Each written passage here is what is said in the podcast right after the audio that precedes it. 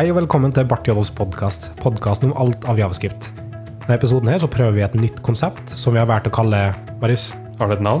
Jeg har ikke navn, men jeg hadde håpet at du kunne komme opp med et navn nå med en gang. Pilot av nytt konsept. Pilot av nytt konsept nummer én. Så vi har òg samla et, nytt, et panel til denne episoden her, selv om det er en litt annet konsept for, for episoden. Eh, Og det panelet består av Kristian Hei. og Marius. Hei. Og med Mikael. Og så har vi igjen fått med oss Kristian Alfoni, Hei, hei. som er nå tredje gangen du er med på Bartøyas podkast. Ikke dårlig. Lurer på om det er rekord som gjest. Tror faktisk det. Så gratulerer. Takk. Så det konseptet her eh, Vi snakka litt om kanskje eh, et lignende konsept i forrige episode. Da endte dine anbefalinger, Marius, rundt eh, Frontend Happy Hour. Det samme. Og da sa vi jo liksom det her er noe vi har tenkt på og vurdert sjøl. Noe tilsvarende eh, i, i den, i den grenseland. Og, og konseptet er da denne episoden her. Så nå har vi samla oss med meg i leiligheten min. Eh, det er utrolig hjemmekoselig. Vi sitter på et lite bord og har noe godt i glasset. Ekstra god romklang har vi jo. Jeg hører romklangen godt. Ja, jeg gjør det. Ja. Det blir interessant. Ja. Så konseptet er litt mer uformelt. Litt mer eh, personlig, kanskje. I og med at vi sitter hjemme med, i hvert fall akkurat nå. Og så blir det ikke like mye redigering som tidligere. Eh, og så kan det være litt mer subjektivt, vi kan ha litt meninger, vi kan være litt uenige. Det skal være rom for å eh, kanskje si noe som er feil. Kanskje bli rett og slett eh, nesten litt eh, på kanten uenig. Det må være lov. Det må være lov. For etter den andre podkasten, eller det er jo for så vidt samme podkasten, men der har vi jo manus. Og det har vi jo hatt helt siden vi starta. Ja, det skriver vi fra topp til bunn hver, hver måned. Og eh, bruker gjerne ti timer for å få gjennom det tight. Eh, Marius kjører ei, ei, en ganske sånn strengt regime på det, og blir ofte kalt eh, podkastens Peter Jackson. Har jeg, blitt, eh, har jeg hørt at du har blitt omtalt sånn? Men det kan jeg ta til meg. Det er ille. Nei, det er ganske bra. Så i den episoden vi skal ikke bare prate dritt. Vi skal øh, ha et konsept der vi prøver å ta for oss et forhåndsutvalgt nyhetsbrev. Og så har alle i panelet lest alt innholdet av nyhetsbrevet. Og så skal vi diskutere innholdet på det. Og kanskje velge ut våre favoritter. Så målet er egentlig å ha en slags øh, aktuell, øh, aktuell tematikk for hver episode, der vi kan diskutere noe nytt som har skjedd, noe nytt som har kommet. Og så har vi en eh, egen episode dedikert til å kunne ta for oss slike type ting. Og for å gjøre det her eh, litt ekstra artig, så hadde jeg tenkt eh, å om vi skulle tatt et eh, I løpet av diskusjonen et sånn fy-fy-ord som vi ikke har lov til å si. Altså, vi, vi har lov til å si det, men Du har lov til å si det. Er jo, altså, egentlig så er det her å stjele ideen fra Frontend Happy Hour. Ja, Men har, jeg, skamløst så tar vi den, og så gjør vi den til vår egen. jeg har ikke hørt Frontend Happy Hour. Ja, men da er det ikke stjeling. Eh, så det kan hende det min originale idé, som de i tillegg har gjort. Sant? Da fikk jeg den sikkert fra deg. Meget mulig.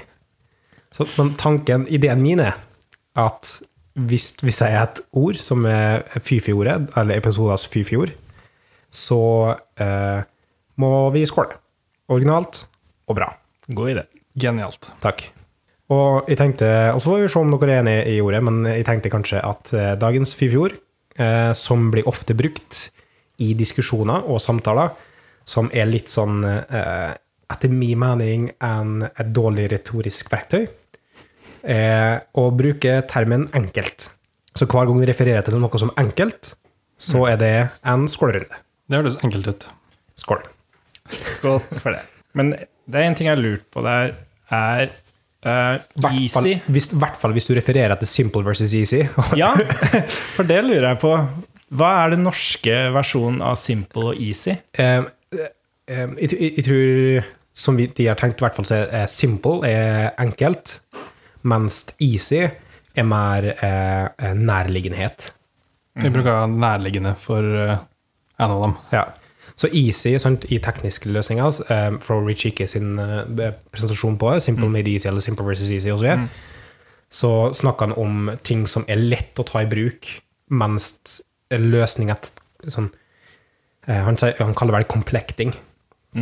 at når ting er intertwined, eller sånn, uh, er overlappende og komplekst i, i, i strukturen, så er, kan det fortsatt være lettvint.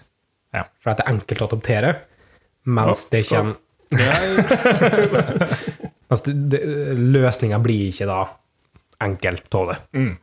Nå, nå har jeg sagt enkelt for siste gang, Også, men poenget mitt er at det er ofte et term som blir brukt for å gi mer vekt enn jeg ofte har. Da.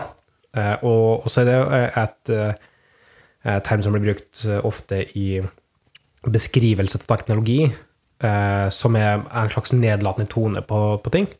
Sånn 'det her er så enkelt, alle burde kunne det', og så videre og så videre. Eh, så, så vi prø- prøver å unngå å bruke det, og hvis Skål. Alle enig? Enig. Enig. Det funker. Det prøver vi. Da, over til dagens agenda.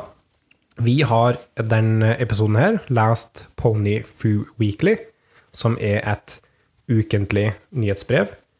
Eh, Den episoden, eller den issuet, som vi har valgt å lese til den episoden her, er litt gammelt, men det er eh, eh, issue nummer 67, og det kom ut i 15. juni. 15. juni. Ikke, skal, skal vi ta og lese gjennom, eller skal vi bare begynne å snakke litt om de forskjellige tingene? Er det noe som har noe de ønsker å ta opp? Jeg syns egentlig alle artiklene der var relativt interessante. Noen var jo mer interessante enn de andre. Og det er vel litt sånn Det som går litt på klasser og spesielt sammenligna med funksjonell programmering og, og sånn, det tenker jeg er kanskje noe av det mer interessante. Eh, for det er jo en sånn om, har vel alltid vært en liten kamp, og kommer alltid til å være det, hva som er det beste, og, og så videre. Så den, den du refererer spesifikt til, er Kenzie Dodds eh, sin eh, Classes versus eh, Skal vi se Classes Complexity and Functional Programming. Og jeg lurer på om faktisk han refererte til Rich Hickey i løpet av den artikkelen. det kan godt stemme. Han brukte faktisk ordet 'complecting' og lenka til uh, Rich Hickey sin talk på det.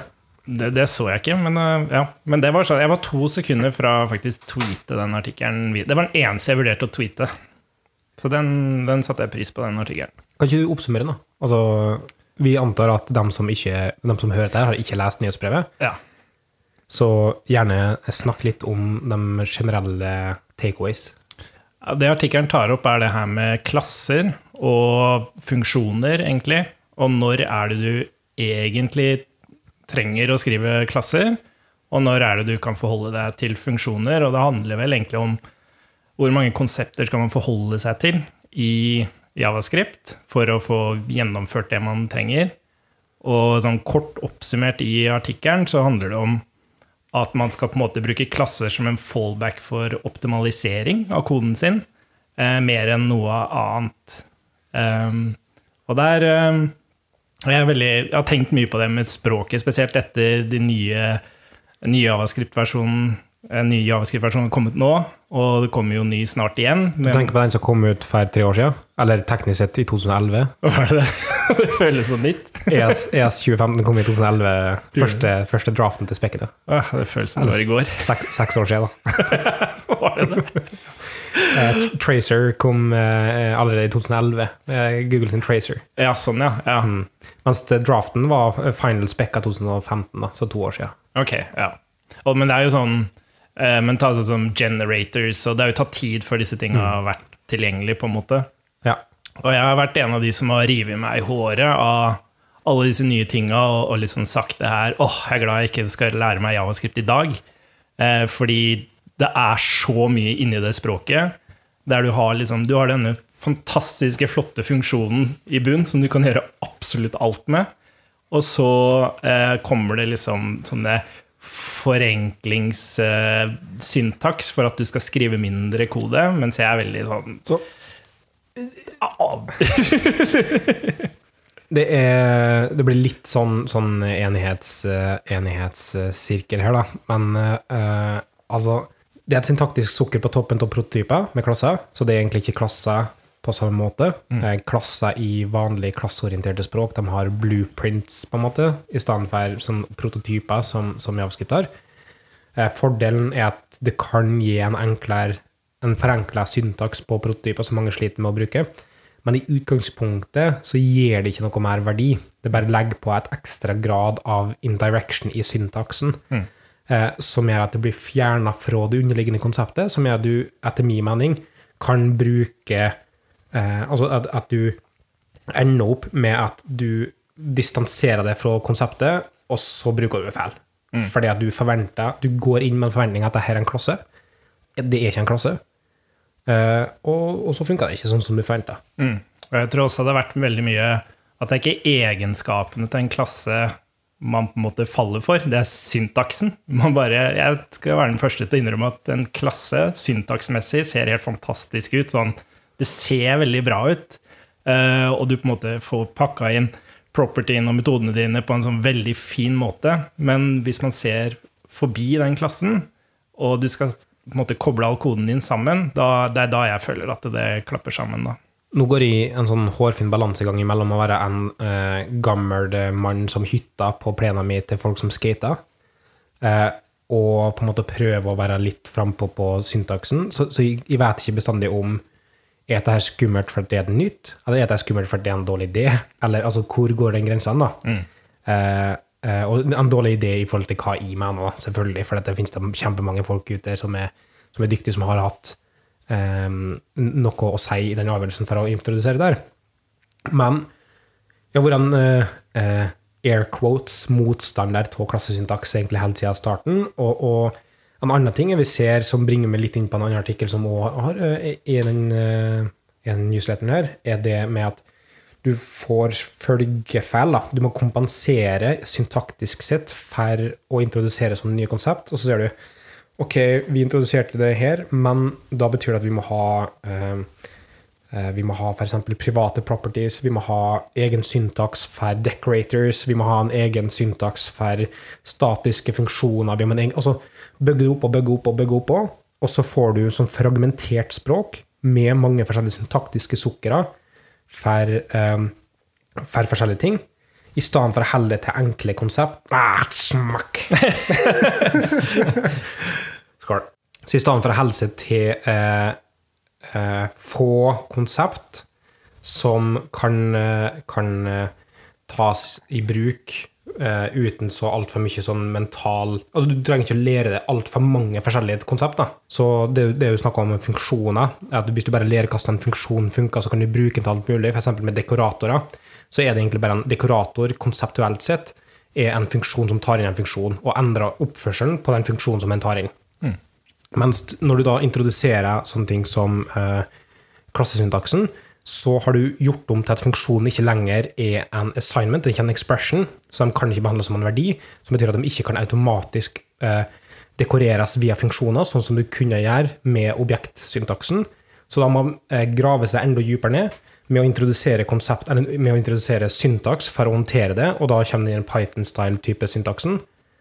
Eh, eller når du eh, har sånne ting som i, i den artikkelen så snakker han om module pattern, og module pattern er noe som kom helt fra 2006, tror jeg, fra Mootool, som introduserte det først, eh, med at du rett og slett bare har en funksjon som returnerer et objekt, og så kan du bruke closure, som er definerte frie variabler i et scope der du definerer funksjonen, til å ha privat tilstand.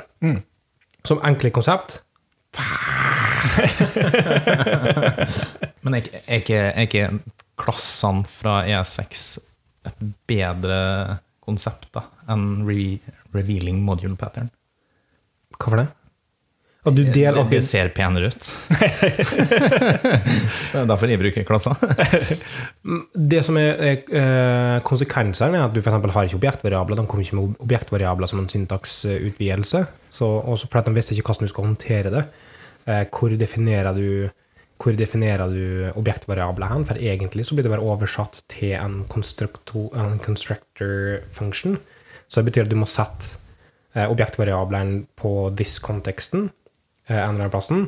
Nå blir det liksom oversatt til internt til å bli satt nederst i funksjonen, tror jeg. Eh, men du må huske å kalle super Altså det er en, det er en sånn der caveats da, med syntaksen. Mm. som i mener kompliserer læringa av språket. da. Men kan vi ikke liste opp alt det nye klasser introduserer? Altså introduserer class. Extends, super, decorator, dis. Det er fire konsepter bare der. Tok en bare rett ut sånn. Som du må lære deg å forstå. For at, eh, som du kan faktisk gjøre med funksjoner. Det er ikke like optimalisert med tanke på instansiering og sånn, hvis du skal ha tusenvis av objekter. Men sånn, du må lære fire nye konsepter som du egentlig ikke trenger. du kunne ha fått det like optimalisert hvis du bare hadde brukt prototyper, og brukt prototype chain. Mm. Ja, det er en litt annen uvant tanke, men Uh, jeg tror det er en uvant tanke fordi at den kommer fra f.eks. C-sharp eller kommer fra for Java, og så sier den ok, jeg har et konsept om hva klasser er, eh, og hvordan arv funker, og så ser han prototyper. Ikke, s- det er ikke like forventa. Så det blir så komplisert. Mens når han da legger på det syntaktiske sukkeret, så skulle det prøve å tilnærme seg den måten å tenker på. Men så er det ikke den måten å tenker på. Det er fundamentalt forskjellig måte det funker på. Du har lagt på syntaktisk sukker som gjør at det ligner på det, men det er ikke det. Og det, og i det øyeblikket du begynner å bruke det, så faller den abstraksjonen igjennom. Da. For at hvis du definerer noe på objekt, på, på liste seg sjøl, så er det kanskje ikke på prototypen, men det er faktisk på objektet. Så det betyr at du deler på tvers av instanser. Så hvis du har et objekt som refererer til på prototypen, som, som du begynner å manipulere, så kan det gjennom å bruke klassesyntaksen virke absurd. Mens hvis du gjør det med prototyper, uten den liksom eh, sløret av syntaktisk sukker, så eh, så ser du at dette er et objekt som vi muterer, som ligger på prototypen, og vi vet at prototypen blir arvet av alle objekter som vi har den her, så derfor er det ikke så mystisk. da. Så i stedet for å eh, optimalisere for å lære prototyper til nye utviklere, så blir optimalisert for å unngå å lære det, og da ha en større footgun. Jeg tror litt av, litt av poenget her er at uh, man gjerne skulle kode C-sharp eller Java eller hva noe annet som har uh, klasser. Og så drog man det inn i Javascript for å gjøre det litt, på en måte, litt mer familiært. Da. Og det virker som man er litt sånn Det er litt pussig at vi utviklere Det virker som vi er litt redd for å skrive kode. Det er jo egentlig det vi jobber med, men det å på en måte Man merker det også på rammeverk. At eh, de forslagene man gjerne får på funksjonalitet, det er egentlig sukker for at ting skal bli enklere. Jeg hadde dette helt spesielle scenarioet. Kan du ikke lage et nytt konsept for det i rammeverket for at jeg, for at jeg skal skrive fem tegn mindre, på en måte? Men da er alltid argumentet at ja, hvis vi introduserer det konseptet, så må hver en, altså alle de forhåpentligvis tusenvis av andre som bruker det samme rammeverket, må også lære seg det konseptet. Det blir sånn mindload, da. Um, I stedet for å helse til eh, fundamentale konsept som du kan gjenbruke på tvers av eh, rammeverk. Sånn, Hvis du bare forholder deg til funksjoner, så du vet hvordan en funksjon funker. Og, eh, så du introduserer ikke nye konsept eller nye abstraksjoner på tvers av forskjellige rammeverk, nødvendigvis, men hvis du vet hvordan en funksjon funker, så er det lik. Men uh, faktisk, jeg minner meg om uh, Jeg har laga masse rare små prosjekter. Og jeg lagde faktisk et prosjekt en gang som het eh, uh, Hva er det for noe? Ob Objectory, eller noe sånt, tror jeg det het. Og det går på det at du på en måte ja, Nå husker jeg nesten ikke hva det går ut på engang. Men det, det handler om det her med å produsere objekter og gjøre det liksom unngå, Det handler egentlig om å unngå klasser, da. Litt sånn som Stamp it. Yes, det var det jeg skulle fram til. Han eh, Eric Elliot. Ja. Um, men igjen, det blir bare en litt sånn der eh, igjen, Men da gjør du på en måte det som er problemet igjen. da, og det at man eh, lager syntaktisk sukker for å på en måte ja, Så man går på en måte i samme fella, da, Fordi da må du også lære deg et nytt API. da. Du, du har en abstraksjon ab, ab, Abstraksjonen er det samme, bare at du ikke har et eget syntaks for det. Ja. Men det konseptet står. Ikke sant? Eh, Men, men ok, så, så det artikkelen sier, er bunn og grunn komposisjon over arv. Det er det vi kan koke det dette. Mm. Og hvis du skal eh, Ja, sånn som han Dodd sier, at eh, hvis du har tusenvis av objekter av samme type, på en måte, da er det på en måte det er grunn til å gå til klasse, fordi det er en optimalisering i Men kan jeg foreslå en ting? Hva om du hadde brukt prototyper i stedet for klassen? Ja, sånn, ja. ja. Altså, du hadde ikke trengt Ok, men, okay, jeg, skal, jeg, skal, jeg skal akseptere at den finnes, Ja. og det er en realitet vi må leve med. Men, men handler ikke det om litt, eh, litt om hvilken bakgrunn man kommer fra? Jo, men når du kommer til et språk, Ja. burde du angripe det Hvis jeg er en snekker, og så kommer jeg og skal legge flis Jeg begynner ikke å hamre på flisen. Men vil du, vil du påstå at det er en, en gyldig sammenligning? Jeg vet ikke. Nei, for jeg syns det høres helt på bærtur ut. Nei, men Poenget med det er at um, ofte så har språk sine fordeler. Uh, F.eks. Javascript, da, som har førsteklasses funksjoner og høygradens funksjoner, sånn at du kan sende funksjoner igjen, argu- argumenter, returnere funksjoner igjen osv. Som du ofte ikke har, i hvert fall ikke tradisjonelt sett i Java og C-sharp. Nå har C-sharp fått lambda og actions og sånne ting, men, men det er i senere år. Uh, mens Javascript er bygd opp på det konseptet med funksjoner. Mens det, når du da kommer fra et språk som ikke har den, den tilnærmingen til problemet, så gir det ikke mening å prøve å løse problemer i det språket som du ville ha løst det på et språk som er bygd på andre fundamentale ideer. Og det er som du var inne på i sted, akkurat som klasser gjemmer det som er bra med javascript. Det som er annerledes i javascript, det blir borte når du ser det der class keywordet. For da tenker, sånn som du var inne på stad, da begynner du å dra relasjoner til det språket du kom fra, og så fungerer det ikke på samme måte. Og så på en måte fjerner det det at, du, at det er andre konsepter man burde utforske, som har en styrke over andre språk igjen. Da. En annen ting som Arne nevner, er nå den nye syntaksen mm, som er forslag i stage 2 eh, eh, i, i eh, ES, altså ECMAScript-standarden, standarden til Javascript, så brukes det som strawman proposal-prosess, som er at folk kan komme med forslag, og så eh, kan forskjellige folk som sitter i TC39, den Technical Committee 39, som står for standarden osv., forvalter den standarden. Eh, noen kan champione gjennom en sånn type eh, forslag, og så får de det videre. Så hvem som helst kan komme med forslag, og så kan du få gjennom forslag, men du trenger på en måte et, eh, å komme gjennom Technical Committee 39, eh, diskusjonsmøter osv.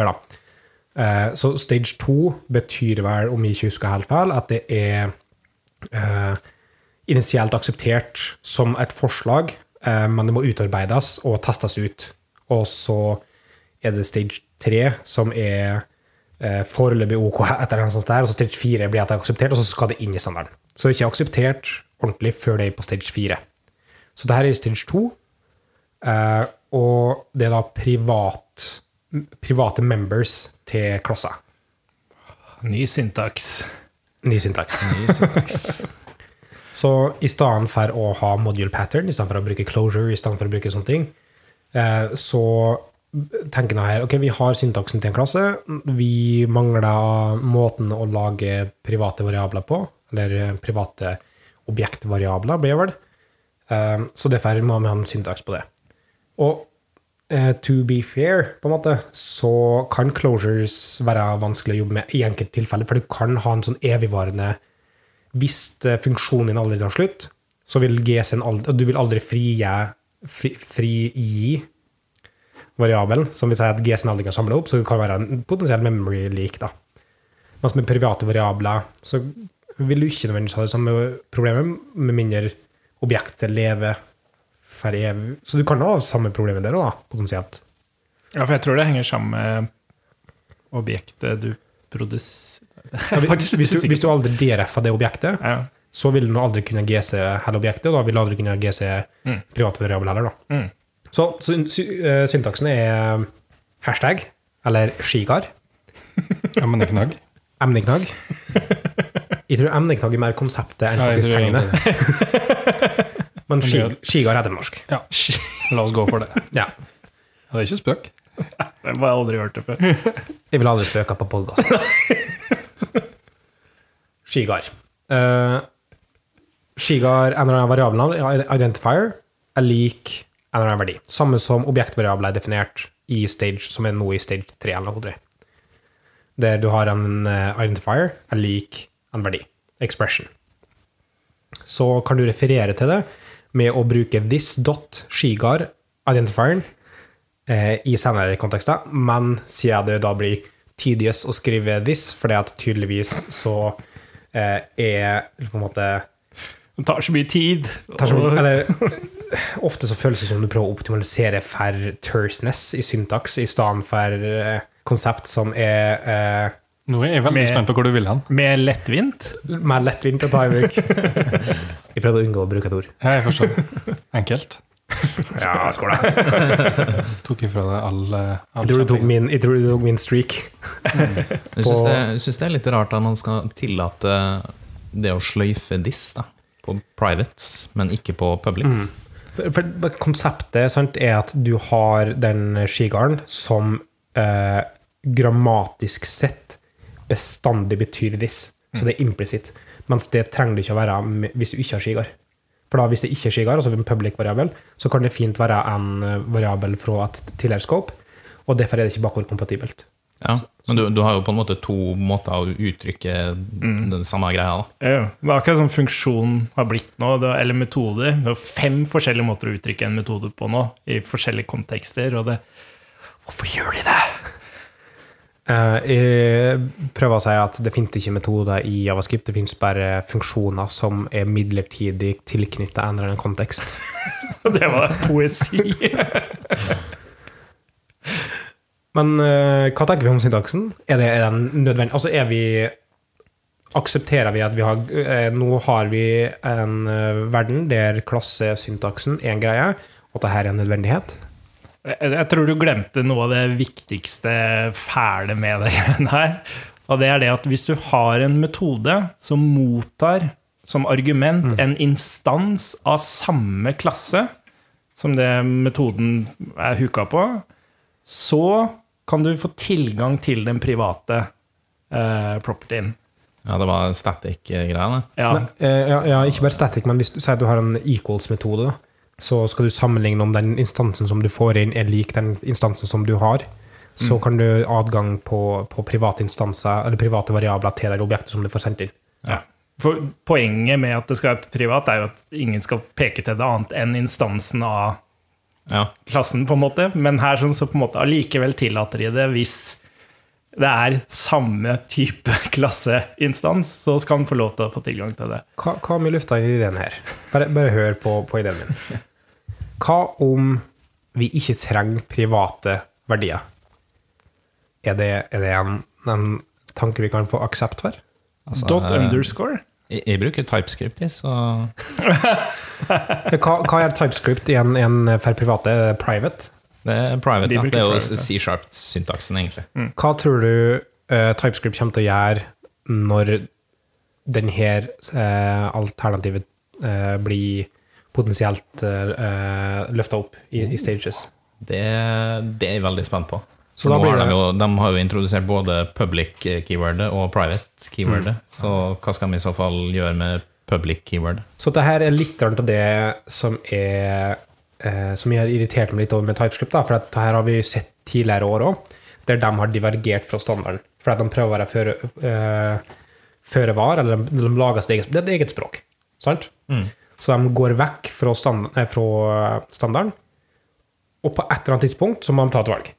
Skal vi nå gå tilbake til standarden og brekke alle de kodebasene som vi har? Eller skal vi fortsette å gå i forskjellige retninger? Men her er det jo strengt tatt TC39, eller han som har funnet på det, der som har eh, valgt å gjøre noe feil her. For da er det noen fra TypeScript på TC. Det er vel det? Ja, det En eller er annen garantert representant fra for det, Microsoft. ja. Det må det være. Men, Lurer um, på hvordan det møtet var. men, men skal, han, skal, skal han på en måte bare ta i bruk den syntaksen som TypeScript, så skal TypeScript legge føringer for hele standarden? For dem er før? Nei, jeg kan jo egentlig ikke gjøre det heller. Men eh, nå ser det jo ut som at eh, funksjonaliteten er ganske, eller så å si helt lik. Ja, men uh, forskjellen er vel at når du prefikser det med skigard, så Så kan du, mm, du Da kan du skille på noe privat eller public. Mens du kan ikke det eh, hvis du har brukt eh, private keyword, på en måte. Det, det var en oppsummering i denne artikkelen her av James Kyle som jeg ikke husker hvor farta. Vet du, vet du hva det her egentlig føles ut som? At vi er på vei mot å bringe inn emojis. Altså om det er uh, skigard eller en emoji, for meg så er det like ekkelt, liksom. Hvis du har, hvis du har eh, nye Mac-eren, så kan du få emojis på toppen på touchbaren. Og da kan du teknisk sett programmere mye raskere. Ja. Du kan bare sitte og trykke på smileyfacer hele tida.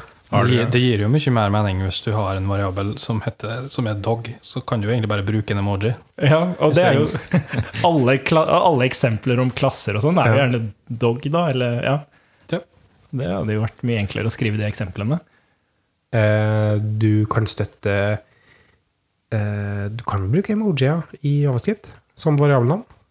Så eh, jeg var på presentasjon på, på Bart JD, sa han kart, kart, kartkameraten.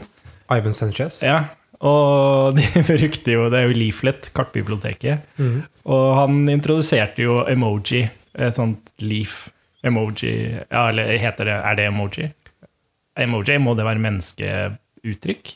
Eller kan det være hva som helst? Kan vel teknisk sett være et bilde av hva som helst. Ja, ok. Ja. Det tror jeg i hvert fall. Det er standard, da. Emoji-standarden. Det er, en egen standardkomité som sitter og godkjenner emoji-standarden.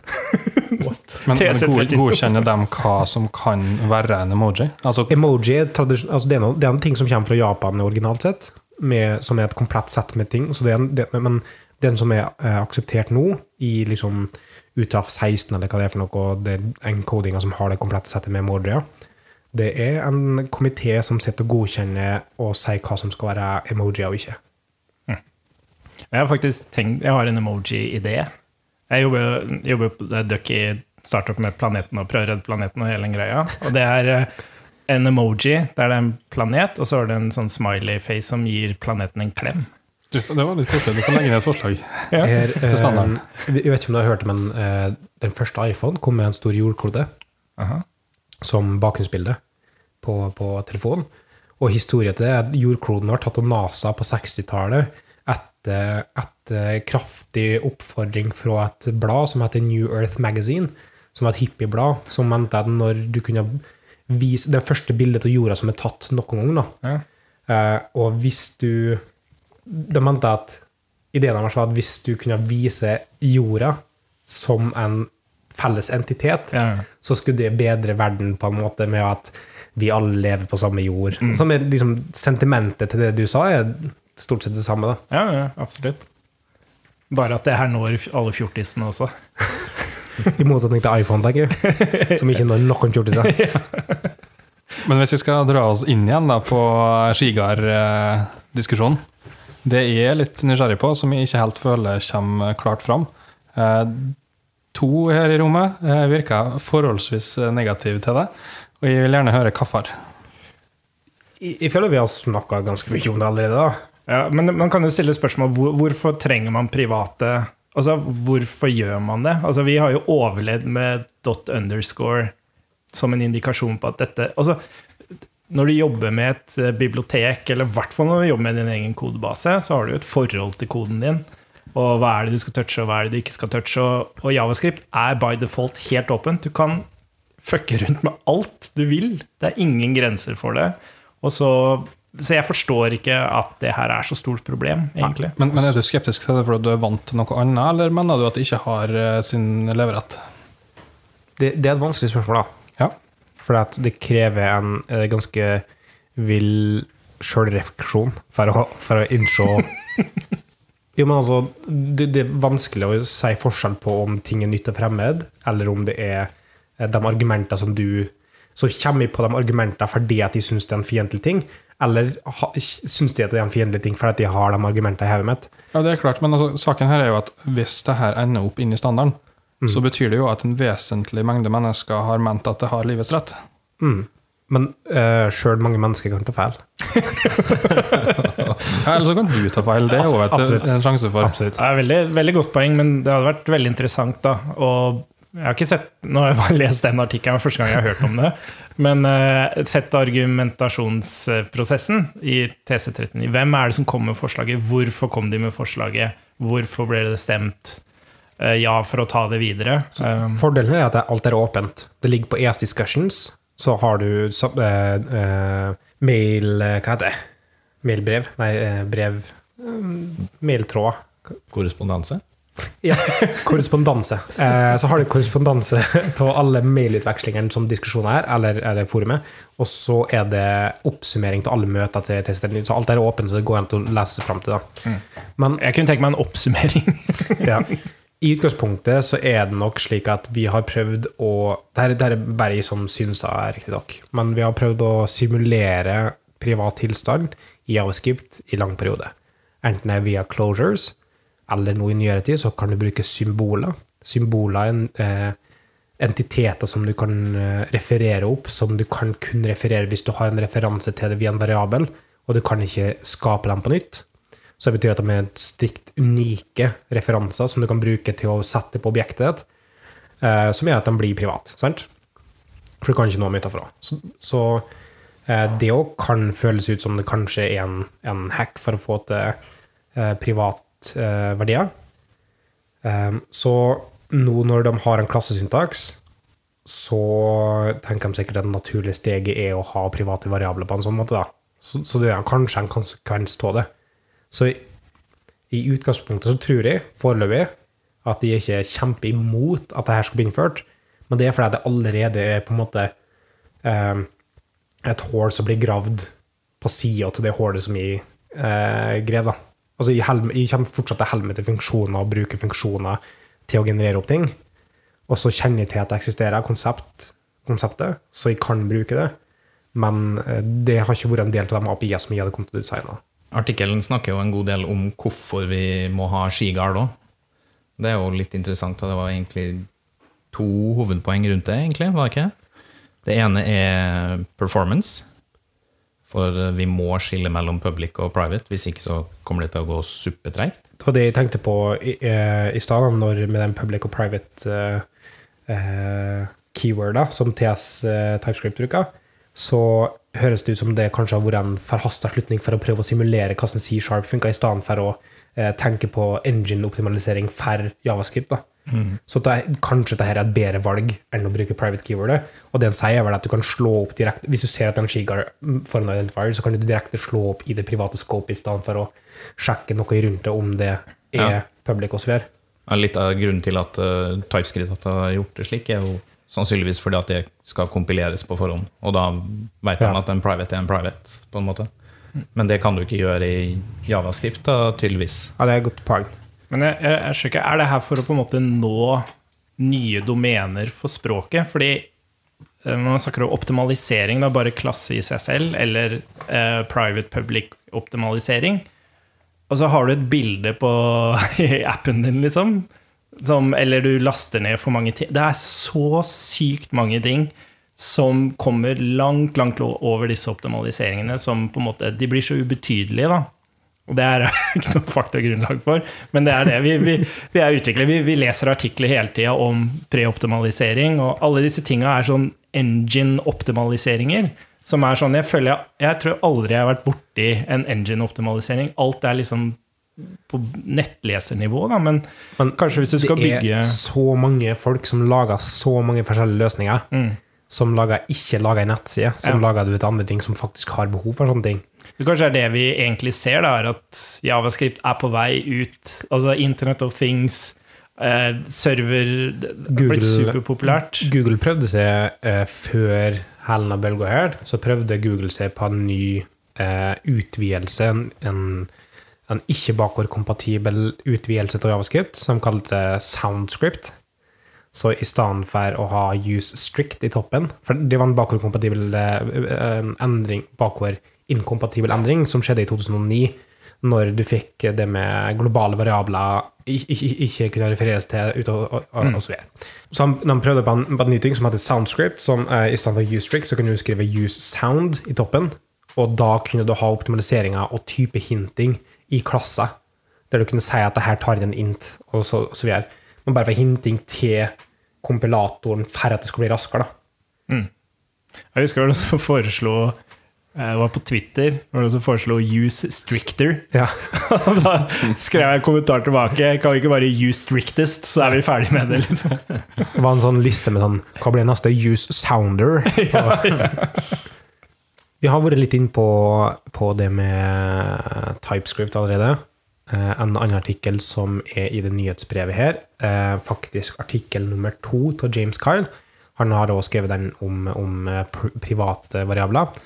Og så har han skrevet en som heter så fint som 'Adapting Flow and TypeScript'. Og det tenkte jeg kunne være litt interessant. Det kan hete litt noe splitta meninger her med, med TypeScript og Flow. Jeg vet i hvert fall at du, Christian, med K, eh, liker TypeScript, eller bruker det. Ja. Og Marius òg, kanskje? Stemmer det. Så jeg må eh, poengtere at det var adopting og ikke adapting flow and typescript. Adopting, ja. Ja, Det er en viktig poengtering, for det er to forskjellige ord. det er sant. Og en, en, en ting jeg liker med, med de artiklene til James eh, Kyle her, er at han har eh, lagt med musikk, uh, musikkforslag til artikkelen. Men lå ikke det helt nederst? Nei, nei, helt på toppen. Helt på toppen. Ja, This, this article is best enjoyed while listening to. Uh, så, så jeg prøvde det, og det funka bra. Altså, det har sikkert funka med an- annen musikk òg, men det var interessant. Det var litt bråkete, så jeg bytta. Det som står i den rosa boksen, ja. Ja. Jeg trodde det var en feilmelding, så jeg bare skrolla ned. Ja, ja. Så, så den, den, det han har prøvd nå, er at han sier at, på sin egen blogg da, er at um, han lager et design for hver bloggpost. Det er et litt interessant konsept, det òg. Høres ut som det hever terskelen for å blogge. Ja, sannsynligvis. Det kan vi putte inn på Jays blogg, vet du. Det kan vi gjøre. Mm. Link til Spotify. Ja. Du- Det er kult, da. Liksom sånn, hvis du har noe sånn Bare start en artikkel, bare Spotify, en eller annen sang, og så ja. Anyways. Men det artikkelen handler om, da, utover det estetiske eller den musikken som er der, det er hva enkelt det er å ta i bruk flow eller typescript. Og jeg, jeg tror ikke vi har tida til å gå inn på en sånn diskusjon om, om uh, ene versus andre.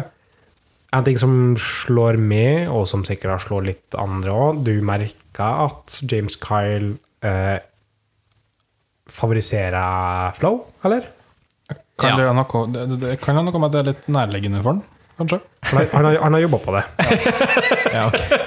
Han har Han har gjort det, ja. Ja. Eh, For det merkes i artikkelen, syns jeg. Men samtidig så mener jeg at det er legitime argumenter, da. Det har to forskjellige tilnærminger av det. Og jeg syns ikke en sier nødvendigvis spesifikt at det ene er bedre enn det andre. Han, Ordlegginga kanskje, i hvert fall for dem som kanskje kjenner til en litt bedre, eh, kan dra ut det. Men helt ærlig så syns jeg at det, når jeg leste det, så tenkte jeg at den er ikke så ubalansert.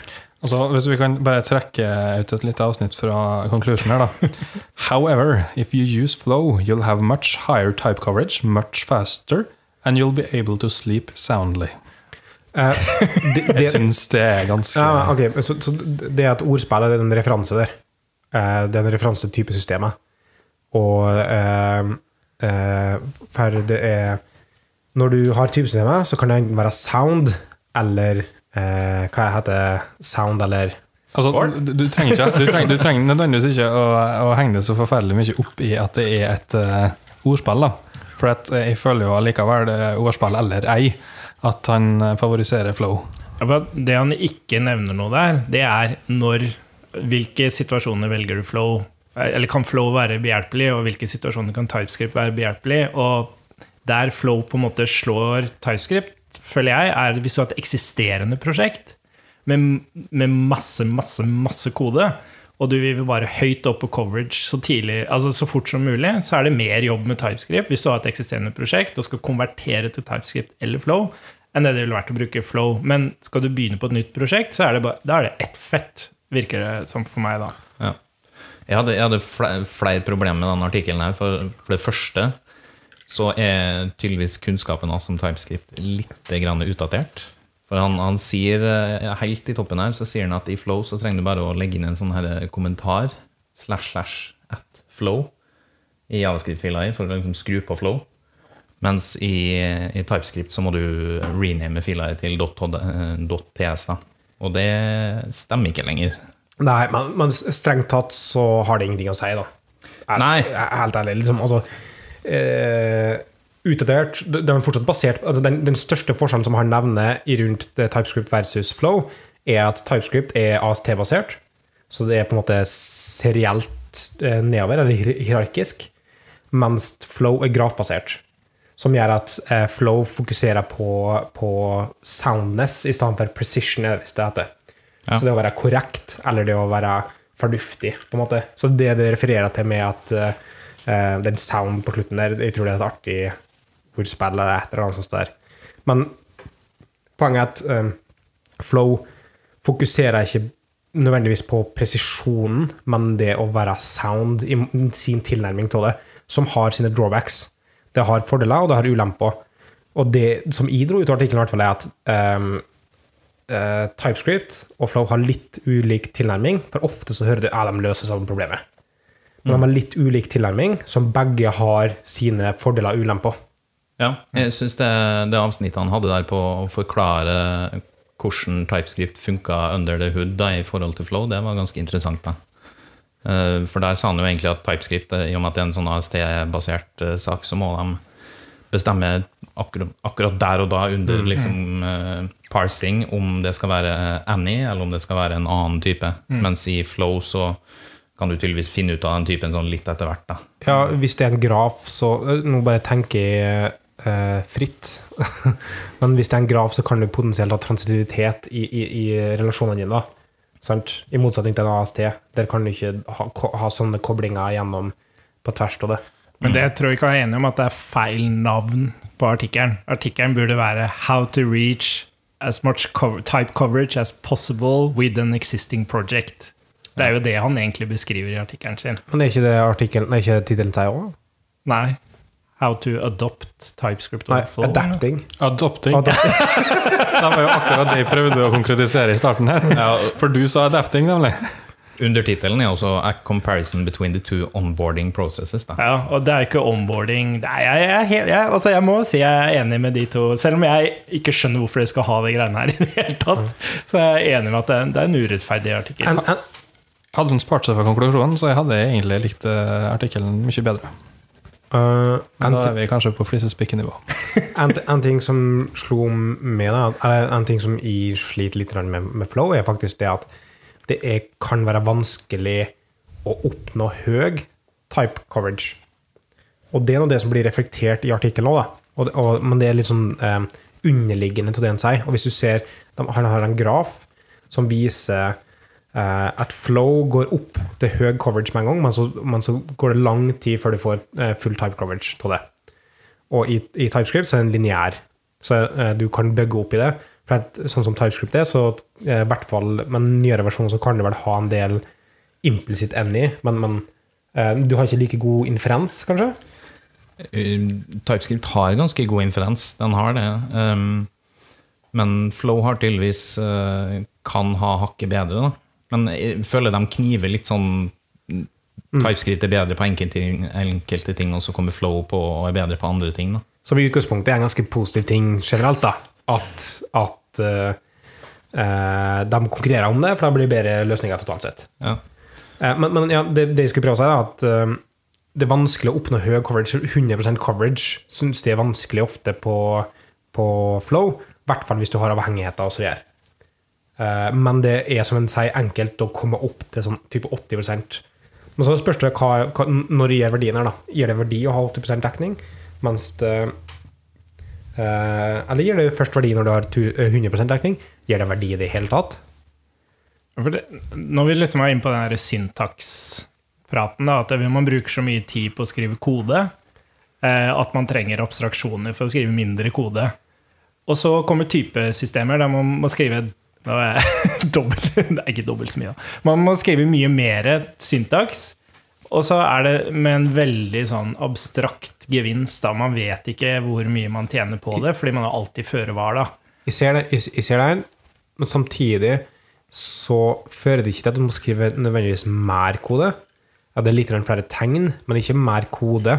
Ja, unnskyld, tegn. Eh, det er det. Men, men samtidig så kan det føre med seg at du senker hastigheten på koding, som kan være en bra ting, for da begynner du å tenke over måten du designer ting på, du tenker over hva slags abstraksjonsnivå du legger det på på API-et ditt. Altså Du må reflektere over en par ting da. så det har positive sider med seg å, å senke hastighet på utvikling. Så vi må introdusere ny syntaks. Så nei, da kan vi bare ha sånn random syntaks. men, Men, det her er ikke å introdusere ny syntaks per se, det er å introdusere ny funksjonalitet. Ja, ja, Det er ikke syntaktisk sukker, det er en ny funksjonalitet. det er et godt poeng. Eh, jeg, er ikke Jeg er ingen eh, type fantast per se, men det kan finnes tilfeller, i hvert fall i, i, i mange situasjoner der du har type mye eh, no pun intended. Der det er mye eh, forretningslogikk og mye logikk som du må holde med, så kan det gi mening å ha typer, for det kan hjelpe deg å, å være sikker på sånne type ting. da. TDD og testing og enhetstesting kan også hjelpe deg med det. Eh, men en annen gevinst tenker jeg ofte kan være at du blir tvungen til å tenke på API på en annen måte. Ikke bare det, men du får jo òg enklere kommunisert hvilke typer som er tenkt til andre utviklere som sitter og jobber sammen med det. En API-design, da. Ja, for så vidt. Men eh, hvor sterkt føler dere For det lurer jeg veldig på, for jeg er en person som ikke bruker eh, hjelpemidler fra editoren. Jeg har bare aldri klart å venne meg til det. Eh, hvor hvor sterkt henger typer med at IDE hjelper deg med forslag? Altså, for det, det er det jeg lurer på. Altså, hvor mye av typer er det faktum at ikke du skal få runtime exceptions, og hvor mye av det er at du skal få ekstra hjelpemidler i editoren til å gi forslag på hva du kan bruke her og ikke bruke her, og utforske API og sende riktige verdier inn til metoder og Det er kanskje litt stort, vanskelig spørsmål. Nei, kanskje ikke. Altså, jeg, er ingen eh, stor verktøyperson sjøl, jeg. Og så merker jeg sjøl med bruk av i hvert fall Flow, da. Jeg, har- ikke brukt så mye TypeScript. Men mm, eh, verktøy der er ikke ypperlig. Det er ustabilt. Og det, er ikke, det, er ikke, det gir det ikke så god code completion. Så det er ikke det som er hovedfordelen. Men det er vel veldig annerledes i TypeScript. Der er det ekstremt godt. I hvert fall bruker det Visual Studio Code, eller? Ja, ja, jeg bruker som regel det, ja. men du kan jo bruke Det finnes jo plugins til omtrent alt. Og den, den er ganske god på, på å gi det hjelp, rett og slett. Til å definere typer, tenker du? Ja, nei, til altså, shortcuts, eh, se på typene og ja, generelt alt det du forventer å få. Da, Peker til en instans av en klasse, og så dot, og så bare ja. kommer det opp. det, okay. la, la meg spørre deg om det. Er vi enig i diagrammet som han viser, da? Med at flow gir det kanskje høyere eh, 80 men det tar like lang tid å komme til 100 Nei, det, det, for det er vel det som er litt greia. Hvis du, Det er det som er poenget med posten. da. er at hvis du har et prosjekt, så er det bare bow, flow. Da har du masse inference og type coverage. Og, Du får høy verdi med å introdusere det, med å gjøre få grep. Mens eh, TypeScript så kan du gi kanskje større verdi over lengre tid, eh, potensielt. Ja, men med den antakelsen, la oss gå inn på det som var det egentlige spørsmålet ditt. Eh, gir 80% type coverage verdi, eller må man opp på 100? Jeg føler det kommer litt an på. Altså, egentlig så kan man jo være fornøyd, fornøyd med 80% men da har du jo 20% som i TypeScript vil ha typen any. da. Og Der kan du jo skrive hva du vil. Så da kan du få runtime-feil igjen.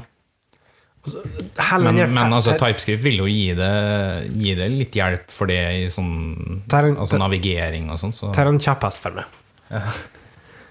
Det at vi snakker om at du ikke kan få, få runtime-feil, er totalt Ja, altså- usant. Ja, det er det. Altså, fordi jeg, tenker, så- jeg føler veldig ofte at man snakker om programmering som om vi lagde spill. At vi var et isolert miljø der vi hadde full kontroll på alt som skjer, alle dataene som flyter, metodekall og sånn. Men i realiteten så er vi webutviklere, og vi har egentlig veldig lite kontroll på Altså Det meste av dataene som kommer, de kommer fra utsida. Vi vet ikke hva som foregår. Og det er sånn, Du kan ha så mye typer du bare vil, og så bare får du feil i produksjonen. Liksom, fordi bare, du har så mange avhengigheter som ikke du har kontroll på. Da. Med typer så tar du vekk den mest banale fela, men det er ikke den banale fela som tar lang, lang tid å fikse. Nei, det, det er det ikke. Men Eh. er det dumt å ta vekk de banale feilene? da? Spørsmålet er om, om eh, investeringa er verdt gevinsten, da. Er det som jeg på en måte tenker i, da. Men hvilken investering vil du påstå at det, Det å tar ta mye lengre tid. Å ta i bruk et typesystem? Ja, ja, ja. Det er det nå. For du må, du må, du må da bruke det, og så tar det eh, TypeScript har vært notorisk lang byggetid med, med store prosjekt. Det tar da kjempelang tid å bygge, og det er en kostnad. Du sitter eh, en utvikler og venter 40 sekunder på å bygge eh, javascripten. Det er en kostnad. Det er en kostnad som du betaler konstant. Eller det at TypeScript krasjer når React fjerner Object Design i sin kodebase, det er en kostnad. Alt dette er tilknytta kostnader. Du har ekstra kompleksitet i løsninga di. Alt det er noe du betaler for. Kostnaden med å, å ikke ha TypeScript eller Flow da, er jo at du ikke har noen typer. Og er du flere enn altså, er, ja, men er du et team med på 10-100 folk, så er jo typer en stor fordel å ha. Da. Det er en enklere, det, det er jo på en måte dokumentasjon. Jo, eh, men poenget mitt er at det er en eh, kostnad, og ut ifra avkastninga så kan du bedømme om det er verdt det eller ikke. Da. Det, det, det, det er et verktøy som du kan bruke om det gir verdi, Ja. eh, og, men i alle tilfeller, altså ikke, ikke i alle tilfeller gir det verdi. Nei. Nei, nei det, er en, det er en avveining der. Du må på en måte ha et stort nok prosjekt før det er verdt å investere den tida det faktisk tar å bygge opp en sånn type, type system og sånt. Mm. Personlig så syns jeg det er veldig digg å ha de typene på plass. Da. Jeg har, jeg har koda litt Python før, og sånt, og jeg, jeg hater det. Ja, for det er, En ting er størrelsen på teamet, men også hvordan teamet er vant til å jobbe. Det tar sånn som Der jeg jobber, så sitter alle i Atom og, og skriver, altså skriver kode. Det er veldig lite Det er liksom command T for å hoppe til en fil, liksom. Vi er på det nivået der. Og da tenker jeg at hvis man er på et team som ikke nødvendigvis er 10 eller 50, det kan være fem stykker, men de er vant til å jobbe med en editor som gir forslag og, og er effektiv med disse verktøyene, og da også kan det faktisk være verdt det, vil jeg tro, da, uten å ha hatt noe erfaring med det. Og så er det forskjell på prosjekt. Du jobber kanskje på en altså Christian med CH, eller Christian CH. Store. Jobber på en type prosjekt med startup som er avhengig av eh, litt mer prototyping, litt mer smidighet, som kanskje ikke er stor, stor verdi eh, for å ha typer som kanskje gjør at det tar lengre tid å teste ut hypoteser osv. Skal vi sette strek på den diskusjonen? Jeg må, jeg må ta opp én ting til, da. Ja. For det, det er litt viktig å få fram her at det, det, han sier veldig lite positivt om TypeScript. Ja, Syns du det? Ja, eh, men eh, poenget mitt er at hvis man går inn på Reddit, så har de en tråd om akkurat den artikkelen her, og der har TypeScript sin eh, community manager, Daniel Rosenwasser, sagt eh, litt av si mening, da, som kanskje retter opp litt av det der bildet den artikkelen der gir. Så jeg vil anbefale dere å lese den òg, for å få en liten sånn, litt vinkling fra begge sider. det er et viktig poeng det der at artikler er ofte for å provosere. Det er for å skape diskusjoner på Reddit, eller i hvert fall kommentarfeltet på artikkelen. Så jeg tror, hvis han hadde vært politisk korrekt da, i artikkelen, så ville det på en måte Ok, liksom. Men det her liksom Altså, vi sitter jo og snakker om det her. Liksom fram og tilbake. Hva er det som er riktig, da? Ja. Så det Jeg tror han gjorde noe lurt sånn sett, da. Men eh, jeg er enig i at ikke det er helt politisk korrekt. Og så er det interessant uh, å, vite hva slags altså, å, å se hva slags perspektiv leseren har. Uh, for at uh, jeg er ikke kjempestor fan av verken heller. Og jeg las det som en forholdsvis balansert, mens du ser det motsatte. Så, sånn at perspektivet har kjempemye å si. Da. Ja, det har det. det.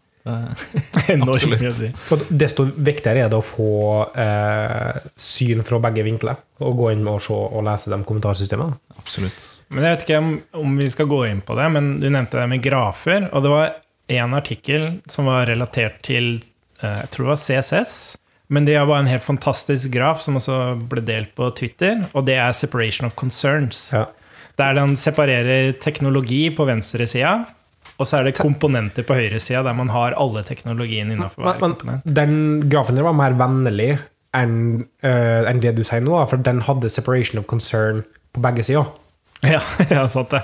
Hvilken artikkel snakker vi om nå? The State of CSS. Ja. State of CSS. Eh, ja. Men, men, men eh, det som er tingen da, den refererer til Pete Hunt sin eh, Rethinking Best Practices. Eh, og der snakker han om at det å skille på CSS og skille på Javascript og skille på HTML er egentlig ikke separation of concern, men det er separation of technology. Og det å tenke på komponenter og tenke eh, sånn cross-cutting i, i teknologien, men av faktisk intensjon av kode, er mer korrekt separation of concern. Eh, mens i artikkelen så sier han faktisk at begge to er separation of concern, bare med forskjellige perspektiver. Jeg blir varm inni meg å høre den andre, altså Pete Hunt sin versjon. da. Ja. Det har gitt eh, ekstrem og, og det, Jeg vet ikke, for meg så virker det som det er den retninga man, man går i, eh, når man ser Jeg kan kanskje være litt sånn Jeg går etter de type løsningene som gjør disse tinga, men uh, hvis man ser uh, Facebook. ja, Facebook. Og du ser til og med View. View ja, det også er jo en podkast i seg sjøl. View JS framtida. Det er enorm adoption. uh, og der har de alltid ett templat, faktisk. Du har liksom CSS-en din, javascripten din og Vi kaller det faktisk templat, ja. Ja, Ja. ja, ja men det, ja, det heter tem- ja, heter, Ja, ja, jo, jo. Ja, det er lov å si det. Skigard-templat. Ja, det syns jeg er veldig fascinerende, da. Den uh, diskusjonen her. Vi vi trenger ikke nødvendigvis å ta den nå, men det er bare en, uh, det er et godt tema. Det får bli en annen podkast. Ja, det, det er et hull å grave seg ned i, altså diskusjonsmessig. Eh, absolutt interessant. Så vi, kan- vi kan jo si det sånn at hvis eh, noen av dem som hører på, faktisk er veldig glad i View og har veldig mye de har lyst til å si om det, så må de jo bare slenge av gårde en tweet til underscore bartiodas og bare si hei, jeg har lyst til å være med og spille inn podkast om View. Ja, absolutt. En eh, annen artikkel som ikke er javascript-relatert, egentlig um, Den CSS-artikkelen som du snakka om nå, Kristian, nettopp, er, er heller ikke javascript-relatert. Altså, vi, vi prøver ikke gå altfor mye dypt inn på det, men en ting som vi kunne tenkt meg å gå inn på, en artikkel som jeg likte, i hvert fall, er den eh, Jeg husker egentlig ikke hva den heter engang. Det heter On Conference Speaking og skrevet av Hainek Slavak. Så den, den er rett og slett en historie, på en måte, av hva han gjorde når han skulle presentere på en konferanse. Og hva han typisk gjør når han skal presentere på konferanse. Så han går igjennom når han først får ideen, hva han gjør når han får ideen, og så eh, skriver han eh, en abstract, hvordan han gjør det, og, og når han har fått det aksepta, så begynner han å jobbe på outline, og så eh, gjennom mye repet, repeterende iterativt arbeid på det, så går han over til slides, og så skriver slides ut på det, og så korrigerer han outline basert på slides, for av så ser du ikke at det funker, eller ser du at det ikke funker med den eh, outlinen og den progresjonen som er gjort. Og så øver mye på slides, øver mye på slides, ser på hvordan det fun- funker, og så og så. Og så går gjennom hele den prosessen, da. Og det fall en artikkel som eh, snakka til meg, kjente meg igjen i en stor del av kassen i eh, forberedte presentasjoner, og hva slags følelser jeg har rundt det. Og den, eh, jeg vil si at det er en artikkel som er verdt å, å se på for å, å sette seg inn i kassen det og drive med presentasjoner. Jeg vil definitivt anbefale at, uh, at den burde leses i sin helhet. Det er en tipunktsliste, egentlig, over forskjellige faser i hans uh, altså skapelsen av hans presentasjoner. Det jeg egentlig syns var litt uh, interessant, er jo at han uh, sikta seg inn på å lage én presentasjon i året. Og så bruker han den uh, på forskjellige konferanser gjennom hele året og itererer over den og gjør den bedre og bedre. Det gjør jo at han lager en ekstremt bra presentasjon hver gang, da, når man holder seg til én i året. Var det noe om selve presentasjonen òg, eller var det alt før selve Nei, altså Han har jo gjort det her i, i, i mange år, i sånn ti år, tror jeg det var snakk om her. Så han begynner jo å bli en ganske rutinert mann. Um, Men han skriver ingenting om hvordan han oppfører på, seg på scenen, og sånn, det er bare forberedelsen. egentlig. Forberedelse. Ja. Det er jo mye av arbeidet, det. ja, spør du meg, så var det der for masse arbeid. Ja, men okay. når Det, det kommer litt an på hva, hva du skal lage presentasjon for. da. Han skal jo tydeligvis lage én presentasjon i året som han skal liksom fremføre 100 ganger. Eh, hvis du skal lage en presentasjon for å holde på Barth JS én gang, så trenger du kanskje ikke å Det er alt etter hva du Bare gjør det stille opp. alt etter hva du gjør det til sjøl. Altså, eh, det du sier, er at hva du gjør på scenen, egentlig Du har ikke så mye kontroll over det, vil jeg påstå. Alle ganger jeg har holdt en presentasjon på litt sånn større plasser der jeg blir ordentlig, ordentlig, ordentlig nervøs, så i det øyeblikket jeg begynner å snakke, så er, så er det, er da er det gjort. Da er jerneteppet på plass. Ja, nei, men altså, da blir det Jeg husker nesten ikke nest, eh, hva som skjer på presentasjonene. Jeg husker ikke hva jeg sier, men ting flyter, og ting Altså, eh, all jobben er opp til det punktet, og så må du bare stole på at du har gjort en god nok jobb fram til da. Det er jo akkurat sånn her sånn Puppet Master sånn, men, det, men det tror jeg også forskjellen på Ta sånn som han, da, som jobber med én presentasjon og sikkert har mange ganger i løpet av året. Første gangen så tror jeg han står på den scenen, og han er liksom styrt av noe annet. Han er en robot, liksom bare komme igjennom alt det jeg skal si. Og så siste versjonen av den, så er han bare Hva skjer da? Stiller noen spørsmål til publikum og bare er helt kul, liksom. Ja, men det, det, det, det er en slik uh, uh, greie. Når du begynner å snakke, så er du på. Og da er det uh, Mister du litt kontroll til hva du gjør. Og så snakker han vel òg om Eller så har jeg forestilt meg, men snakker om etterpå, så er han helt sånn tom. Han trengte en time på å komme seg etterpå. Og det er akkurat samme har jeg kjent meg igjen i. da, at Når jeg er på en måte ferdig med det, så har jeg så sterkt behov for å komme meg vekk fra alle folk. Jeg har ikke lyst til å ta noen spørsmål, jeg har ikke lyst til å møte noen.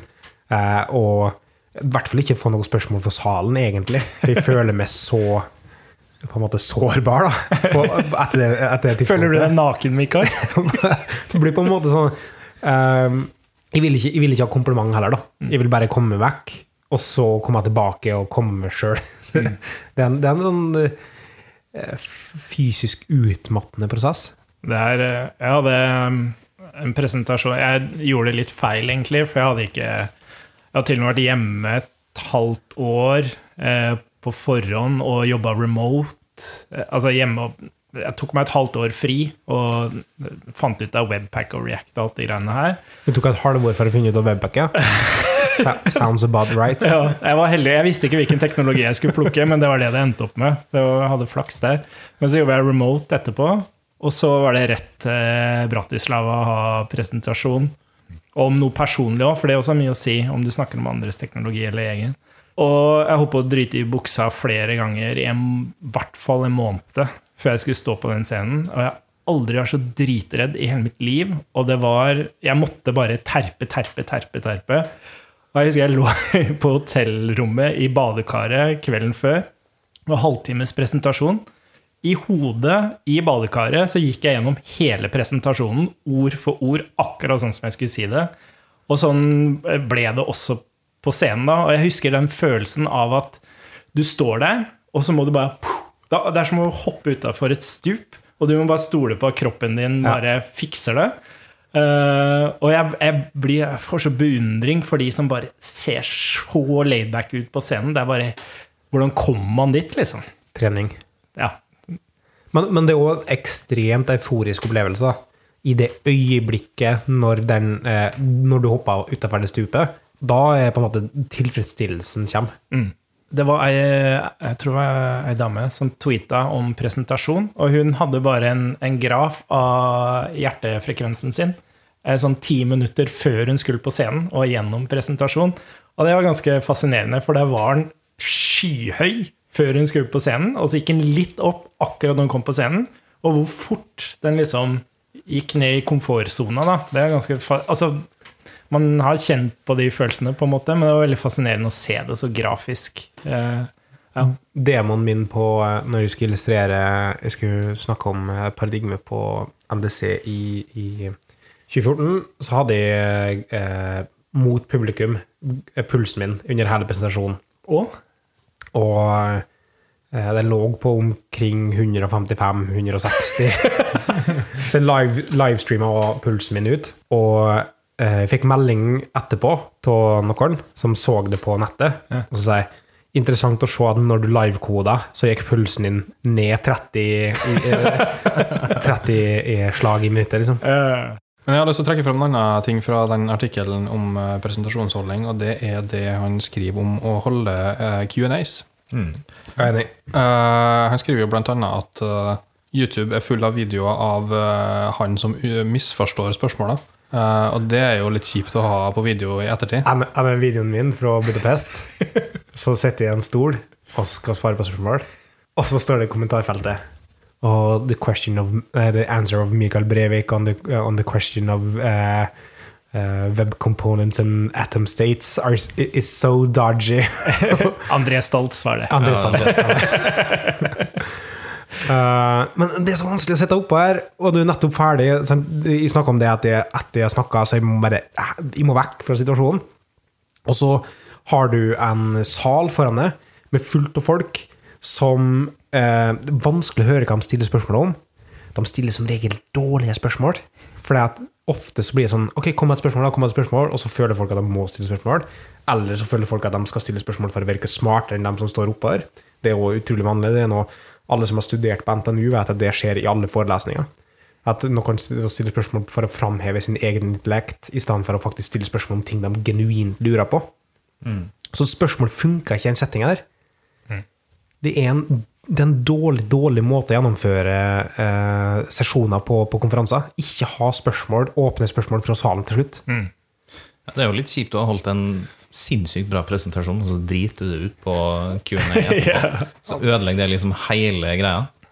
Det er- det er litt av grunnen til at jeg har holdt eh, så få presentasjoner, for jeg føler at jeg må kunne stoffet og det rundt så sinnssykt godt for å kunne svare på de spørsmålene som kan dukke opp etterpå. Det, det som jeg har lest fra liksom, presentasjonsteknikk-type poster, er typisk at du må svare på alle kritikkene i løpet av presentasjonen din, sånn at det ikke at de mest åpenbare tingene som kan stille spørsmål om, er, er allerede dekket av presentasjonen din, sånn at du ikke får spørsmål om det i etterkant. Men det er ingenting i veien for å bare ikke ha Q&A-session etterpå. Men Vet du hva, jeg tar ikke imot spørsmål. Hvis det er noe du lurer på, kom og møt meg. Ja, og det er jo det han skriver også, at han vil heller at folk kommer etter, etter talken og prater med en face to face og kan drites ut der i Der i det skjulte. Det jeg så i år, og som for så vidt gjaldt i fjor, var jo at eh, WebRebels har kutta ut Q&As. Der de nå bare kurerer spørsmål fra salen via internettet, og så stiller de dem de har passa best til foredragsholderen. Det er en, det er en sånn trend som uh, JS-familien-konferanser har drevet med. De, de, det var de gjorde det på delvis på uh, den konferansen som vi snakka om òg. Det er en JS-familiekonferanse. Så det, det funka bra i hovedsak. De, de, på Jodas komf i Berlin og WebRebels så har de det at du poster den via Twitter, og så velger de ut. Eh, og, og det kan kun funke på sånne konferanser som WebRebels, eller sånn single track eller dual track-konferanse, der du har en faktisk konferansier, eller MC, som de kaller det. Og det er ekstremt mye bedre løsning enn eh, å ha sånn ukurerte eh, Q&A-sessions på slutten. Men det, det er jo fordeler med å ha direkte, men det kommer sikkert veldig mye på størrelsen av publikum òg. Har, har du noen gang sittet i en konferanse, enten snakka på en konferanse, eller hørt en konferanse, der et spørsmål ble stilt, der du tenkte her er et poignant spørsmål. Det der var perfekt spørsmål akkurat nå. Nei, eh, For å svare på det, jeg har to opplevelser. Det ene er en sånn eh, filtrert, eh, filtrerte spørsmål. Eh, og det gikk, det gikk bra da, i hvert fall. Uh, men igjen, så også når jeg var på Bart JDs meetup sist og presenterte, så var det en sånn Men da er vi mye mindre folk. Da er det jo knapt 15 stykker den gangen. Og da få disse direkte spørsmåla og du, du føler litt Som den som står der oppe, så føler du litt den derre Du føler du er litt mer like eh, Ikke like, likeverdig er feil ord, men du føler litt sånn Fordi det er litt stressende å stille spørsmål òg. Så når du da sitter bak mobilen din og taster spørsmålet på telefonen din, så kan du være bare sånn sinnssykt kritisk og kanskje stille et veldig vanskelig spørsmål, mens når du må rekke opp hånda og faktisk ytre det her, så, så får du ikke helt fram eh, følelsene bak spørsmålet, på en måte. I den grad man kan si at eh, kodespørsmål er, inneholder følelser. Jeg ser hva du mener. Eh, sånn som i Bartidas-sammenheng, så tror jeg kanskje det blir fordi at det er mer intimt, så kan det funke bedre. Altså intimt i den, den form av at det er færre folk. Og folk har måtte aktivt møtt opp der av uh, genuin interesse. Da. Så altså, det, det er en litt annen setting.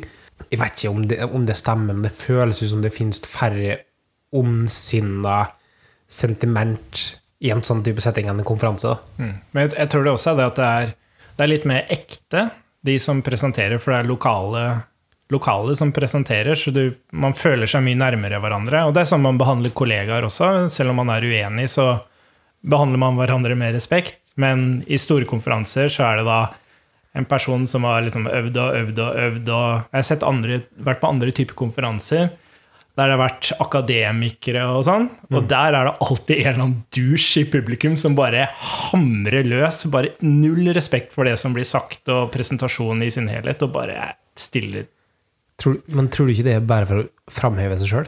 Jo, det tror jeg. Så eh, i konferansesettinga er det ikke da bedre å oppfordre til å stille spørsmål på Twitter, eller tilgjengeliggjøre seg sjøl for å stille spørsmål på en, på, på en uh, annen plattform? Mm. Men jeg tror det er en sånn intimitetsgrense der. Jeg vet ikke eh, antall mennesker den, den grensa går på, men jeg tror det er 40. 40. Det er godt, godt tall.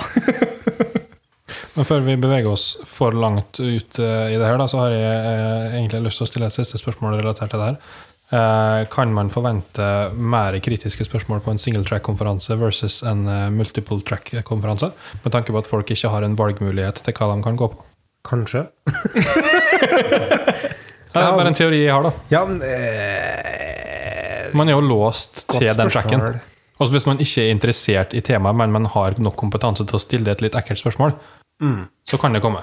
jeg kan se for meg det. Det er et godt spørsmål. Men er det, er det sånn Ja, ok, sånn, det er ikke den derre uh, Java-sonen du sitter der oppe og klikker deg gjennom ting? Nei, single Du- track, bare ett et spor. Alle er med på alt. Ja. Ja. Som er, skal være helt ærlig, den beste konferansen jeg har vært på, er single track-konferanser. Enig. Jeg har, ikke- jeg, har ikke, jeg har ikke lyst til å ende hele denne diskusjonen her på, eh, på vanskeligheten ved å få spørsmål ved, eh, ved presentering. Kan- Eh, Fordi at det hele artikkelen handler om, er jo å demystifisere Ja. det å holde presentasjoner. Så det jeg egentlig har lyst til å, at vi får fram, er jo at det er ikke eh, noe magi ved det å holde presentasjoner, og, man, eh, og alle kan få det til. Og det sier han òg. Det er akkurat det han sier. Ja. Han sier at eh, så lenge du har luksusen til å ha nok fritid, så kan du få til det samme som han, sier han. Definitivt. Og det tror jeg er viktig at alle tar med seg.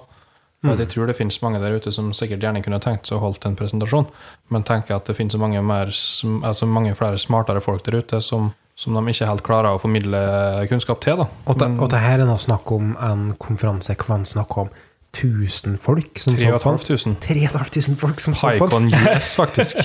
Det, Marius, det er flere enn som kommer fra kommunen der du og jeg kommer fra. Det er helt sjukt. Og alle samla i samme sal. Alle i samme sal. Nei, det er helt crazy. Så eh, i hvert fall sånn for lokalforhold, da, sånn som f.eks. Barth Oddas eller Framsida i Oslo, og så gjør altså alle sånn meetup-sammenheng, så er det så lav terskel for å delta. Så lav terskel for å bidra med noe. Og det er så tilgivende eh, mengde folk som er der og ser på. Du kan gjøre det helt forferdelig, og det blir fortsatt så blir du ivaretatt. da. For folk er der i utgangspunktet, som du sier, Kristian eh, CH, at eh, eh, du er med likesinnede. Du er på samme plan, så folk vil det det beste. Ja. Eh, når du er på store konferanser, så føles det ut som Å, han der, eller hun der, som står på scenen, det er liksom de, de er profesjonelle. De er dritgode, så de tåler det. De, de må jekkes ned litt. Sant? Mens på lokale forhold så er det sånn Vi er i lag om det her, så terskelen for å gjøre det er så utrolig mye mindre. da. Men sjøl det med konferanse er utrolig opp, ø, oppnåelig. Men jeg har, jeg, nå har ikke jeg lest artikkelen, så jeg vet ikke om det kom opp der. Men Nå har ikke jeg lest artikkelen, men jeg er ganske sikker på at det en mener, er dette her. jeg har et par sånne egne tips sånn hvis man skal presentere, om det er for Barth JS f.eks. Det er den derre For problemet Alle har noe bra å si. Alle har et steg videre inn i en eller annen teknologi som er nyttig for andre. Det er den komfortgreia. Det er det eneste det handler om, tror jeg. Og da er det det å liksom finne måter å tre inn i den kom- ukomfortsona eh, med godt mot. Eh, for det er ukomfortabelt å stå og presentere. Sånn er det bare. Og da er det sånn eh, For jeg har sett noen som øver på presentasjoner ved å sitte på stolen sin og se på slidesa, og så tenke. Men du, du må bruke stemmen din. Du må, Uansett hvem som hører på, om det bare er deg sjøl, du må liksom prate deg gjennom det og høre din egen stemme. Er superviktig. Og så det der å gradvis gå inn i den ukomfortsona. Fordi det begynner med en nær kollega. Det er ukomfortabelt første gang å stå med en nær kollega og presentere et eller annet nytt, da. eller noe du har lyst til å presentere for flere. Og du må liksom bare begynne der, og så gjøre det mer og mer ukomfortabelt for deg sjæl. Eh, til du kanskje står der som han kameraten her foran 3500, hvis det er ambisjonen din. da. Det er litt som eh, en uh, ekstremsport. Utrolig Men i det øyeblikket du får godkjent en eh, presentasjon, så begynner du å få angst. Og bare tenke Hva i alle dager?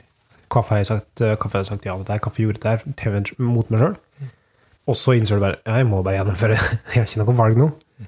Og så når du gjennomfører det, så er det, som du snakka om tidligere, hopp ut fra et stup, og så blir det eh, eufori. Sjøl den opplevelsen er ganske, ganske trivelig. Men det du får mest ut av det, er at du lærer så mye i løpet av den prosessen. Du må gjøre så mye research, for du føler at du må gjøre så mye research. Så du lærer om det temaet. Og det er ikke sånn at du må være ekspert når du foreslår det temaet til noen, eller foreslår det temaet til, til um, konferansen, så må du ikke kunne alt om det temaet. Men i løpet av prosessen så kommer du til å lære så mye at du kommer til å bli sjølsikker på det temaet. Det er nok kanskje mitt absolutt beste tips hvis man sitter og har lyst til å holde presentasjoner. Det er jo rett og slett bare få lov til å holde presentasjonen en plass. Og da starter den ballen der å rulle, for da har man en forpliktelse, og da må man sette seg ned og sette seg inn i temaet, sånn som du sier. Og da går det litt slag i slag, for har man først forplikta seg til noe, så er det vanskelig å backe ut av det. Og jeg er helt sikker på at så lenge, hvis det er et eller annet fagfelt der du bor, altså en eller annen meetup i den plassen du bor, så får du nok lov til å holde eh. Den, den siste temaet som eh, du har insistert på at vi skal snakke om, eh, Christian CH, er artikkelen React State versus Redux State. When and why? Her er en artikkel av Tyler Hoffman, som går ut på egentlig, vil jeg påstå, så er det en, et ekko av en artikkel fra Dan Abramov som handler om You don't always need Redux. Lenker han ikke til den artikkelen i artikkelen? Det er nå. Ja. Eh, så, så det handler om, sånn kort oppsummert, så handler det om tre forskjellige kategorier av tilstand du kan ha, og så hvor de kan ligge hen. I utgangspunktet, jeg husker de tre, jeg skal, jeg skal slå opp artikkelen her for å finne ut hva Jeg har, jeg har er. notater her. jeg- oh, oh, oh. Ja. Har du, skrevet, har du skrevet så mye notater at du bare måtte prate om det? Det er eh, short, medium and long term, eh, kaller han det. Og jeg syns Ja. egentlig det er en bra måte å dele det opp på. Jeg var litt uenig med det. Mm. eh, Men kan hende at det er fordi jeg har bestandig valgt å tenke på det som visningstilstand og persistert tilstand, eller eh, tilstand som du ønsker å reprodusere, som du ønsker å, at eh, skal gjøre applikasjonen din deterministisk, eller ting som er overfladisk, som ikke har innvirkning på hvordan eh, sannheten til applikasjonen din skal være. Jeg har, ofte, eh, jeg har aldri brukt de tre begrepene der. Jeg har ofte tenkt bare Er det state som skal deles? Er det noen andre komponenter som er interessert i staten? Eller er det ikke det? Og så er det store spørsmålet er når vet du det? Vet du det når du lager komponenten, eller vet du det når applikasjonen din er ferdig? uh, og det er det jeg syns Han tar opp det temaet der, da, og det er sånn jeg faller alltid tilbake på det at um, Jeg har også sett diskusjoner med han uh, Hva er det han heter? Phelps eller noe i Netflix. Eh, husker Michael, eh, ikke Michael Phelps. uh? Ja, men det er, det er en kar i Netflix som også er veldig og, og Dan Abramoff også. Men jeg føler Dan Abramoff blir sånn inhabil her, fordi han jobber på React-teamet. Og de har et konsept om, om state i komponenter. Og når du jobber på en komponent Og det, det blir nesten litt sånn å tenke som en klasse, er at det er helt fantastisk når du bare har denne ene tingen foran deg, og den skal håndtere alt. All staten du definerer her, all, alle side effects, alt sammen skal foregå inni her. Men det er veldig sjelden sannheten da, når man bygger en app som har potensielt hundrevis av komponenter. Men ok, du, du snakka om at det er vanskelig å skille på de, to de tre forskjellige tilstandene. Hva om du prøver å klassifisere dem på den måten som vi presenterte, da? Med at er dette en tilstand som vi ønsker skal være reproduserbart? Nei. Da kan du ha det i lokal tilstand. er dette noe jeg ønsker skal være reproduserbart, eller deterministisk i min applikasjon, da vil det være en del av eh, atom-staten din. Mm. Det er et ekstremt sånn tydelig skille. da. Men vet du det? Når du lager komponenten? Det, jeg, jeg vil påstå det. Nei, jeg kan gi deg ett eksempel, jeg, Mikael, der Ja. du ikke vet det. Og det er sånn klassisk eh, tab-komponent. Du har noen tabs.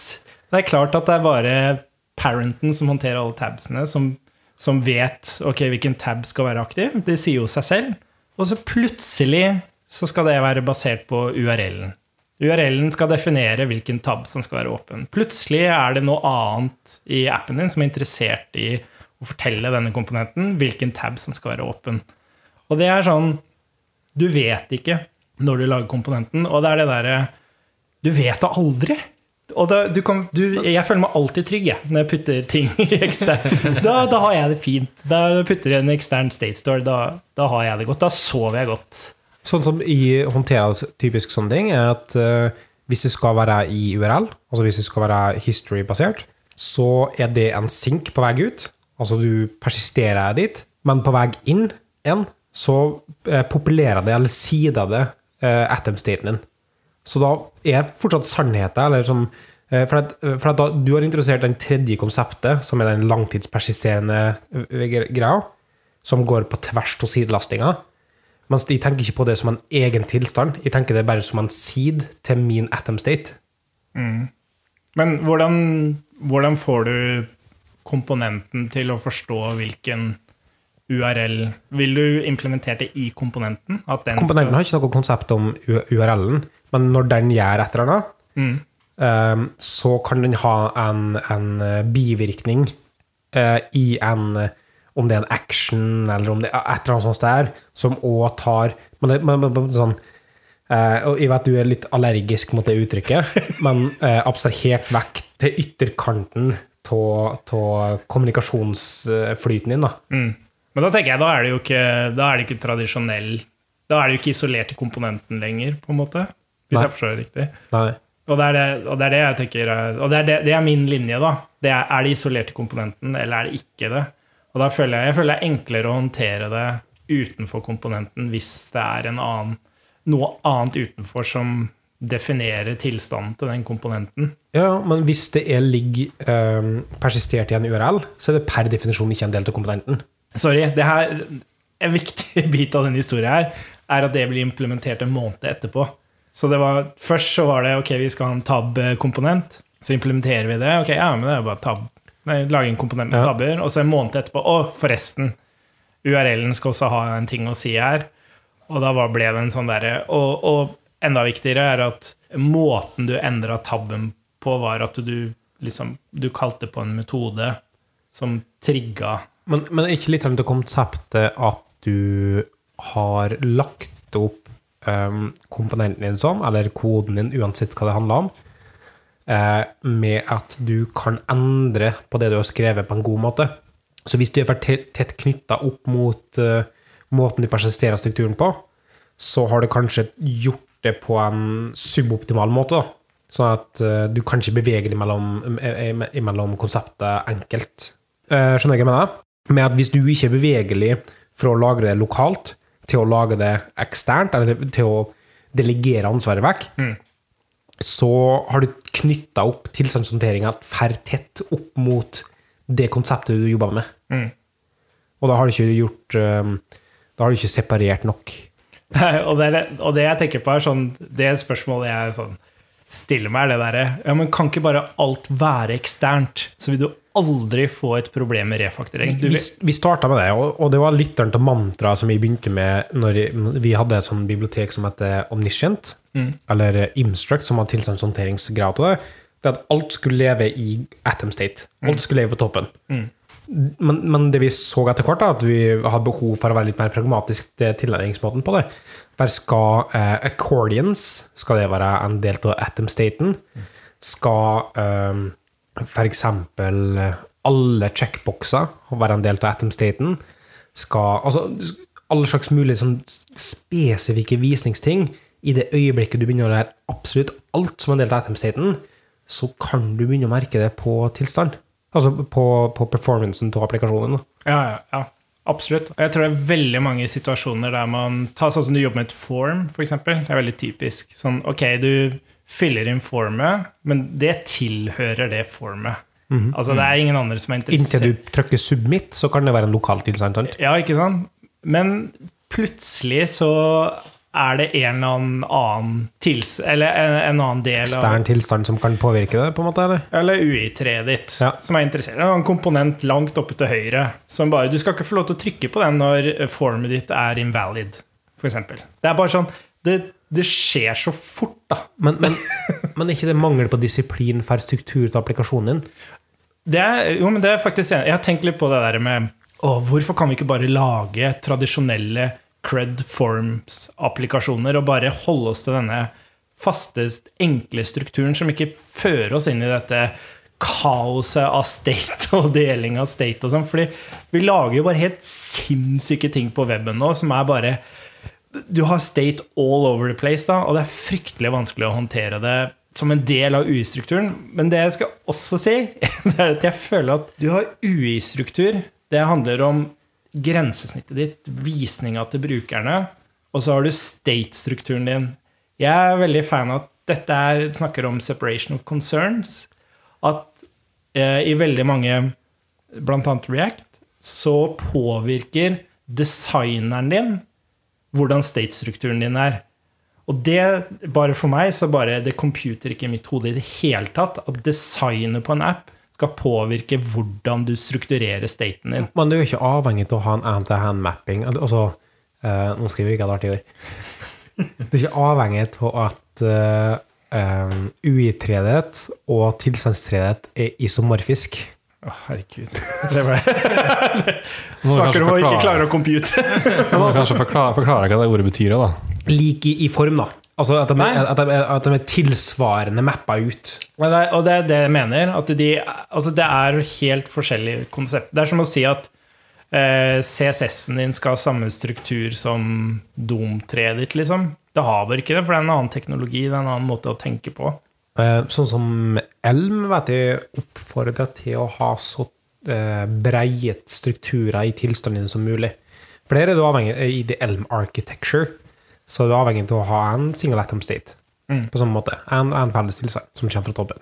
Men når du kommer med utrolig dype tre, altså eh, lang, lang nedover, hierarkisk sett, så er det et tegn på dårlig domenemodellering.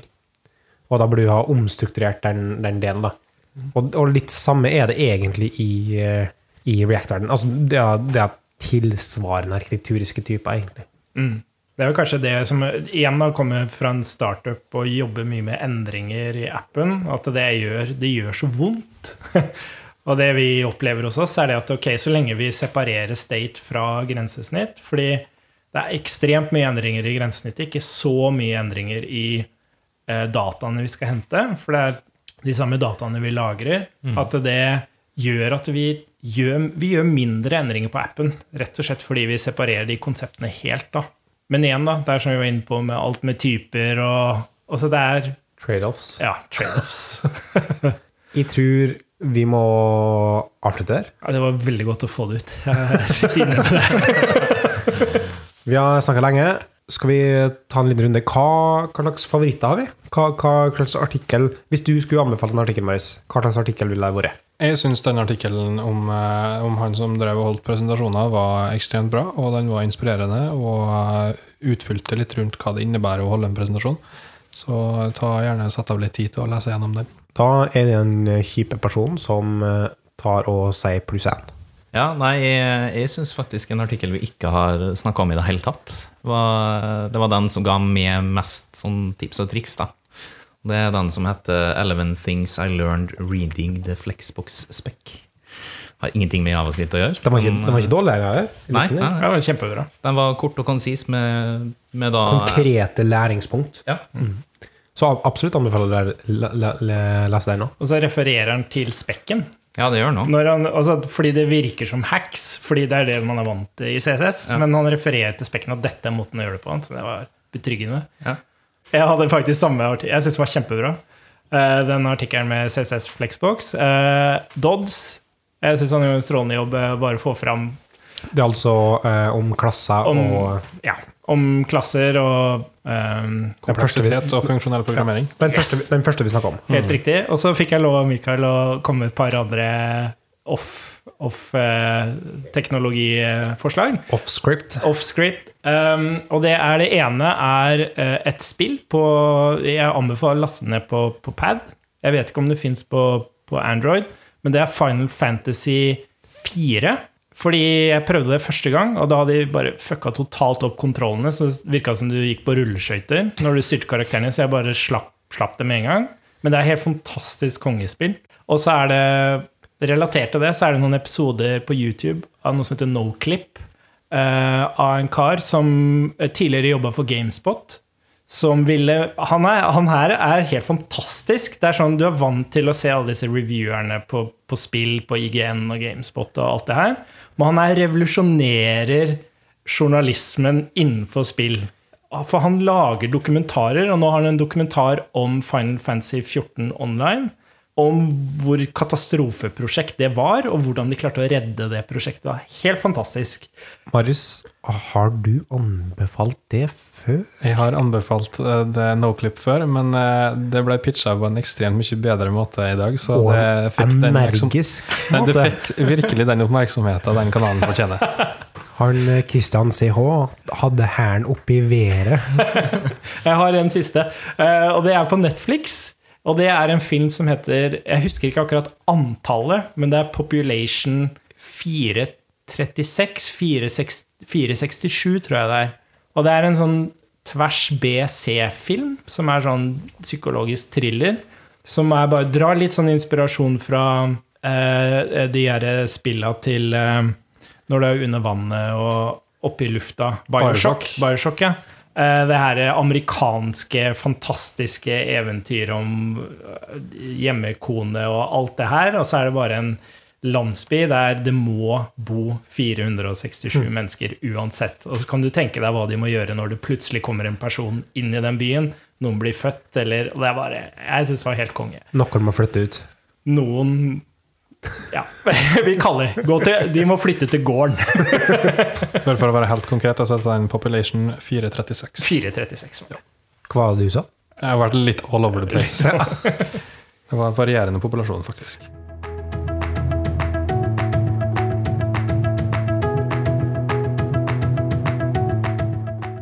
Hei, det er Mikael som kommer helt på tampen av episoden med en massiv nyhet i rundt Bart Jodas podkast. Og det er at på mandag 30. oktober så kommer vi til å ha vårt aller første noensinne liveshow på scenen av Trondheim Developer Conference. Altså mandag 30. oktober så skal vi ha en ny episode lignende denne her, der vi skal gå igjennom eh, de nyhetene fra et nyhetsbrev og diskutere løst og fast om det i rundt Javascript. Så hvis du har lyst til å være med på det historiske første showet til Bartidas podkast, eller Bartidas podkast live, så kan du nå få tak i billetter til Trondheim DC, Trondheim Developer Conference, på trondheimdc.no. Så håper jeg at du tar sjansen til å bli med i, i salen og skape ordentlig stemning til første showet.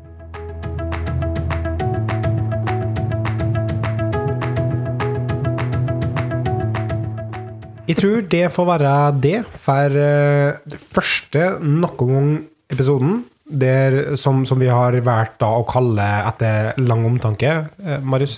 Pilot av nytt konsept, episode 1. Uh, Skigard Skigar 1. Skigar 1 faktisk går det for. Pilot av konsept, Skigar 1. Hva syns du er godt? Det har vært kjekt, da. Det har vært trivelig. Men hvis de har uh, lytteren som har uh, på podkasten akkurat nå, hvis de har spørsmål rundt klipping og bart i dass generelt, hvor eh, kan de gå da, Marius? Da kan de gå på Twitter og skrive til meg på @krakels. Er det noen i rundt bordet som har et eh, nickname, eh, to R og en X? Ah, tror det kanskje er min. Så de kan kontakte deg på At Larifax. Og Christian CH. Eh, Det er eh, Christian Alfoni i ett ord, med CH, som du nevnte. ja, ja. På Twitter, GitHub, eh, Slack, all over. Hvor, hvor kan de gå inn for eh, Bartidas Slacken, egentlig? bartjds.slack.com. Slack.bartidas.io. Og vi kan ta kontakt på via Twitter eh, på at Mikael Brevik. Eh, eller på GitHub på at Mikael B. Takk for at du hørte på. Så høres vi i neste episode.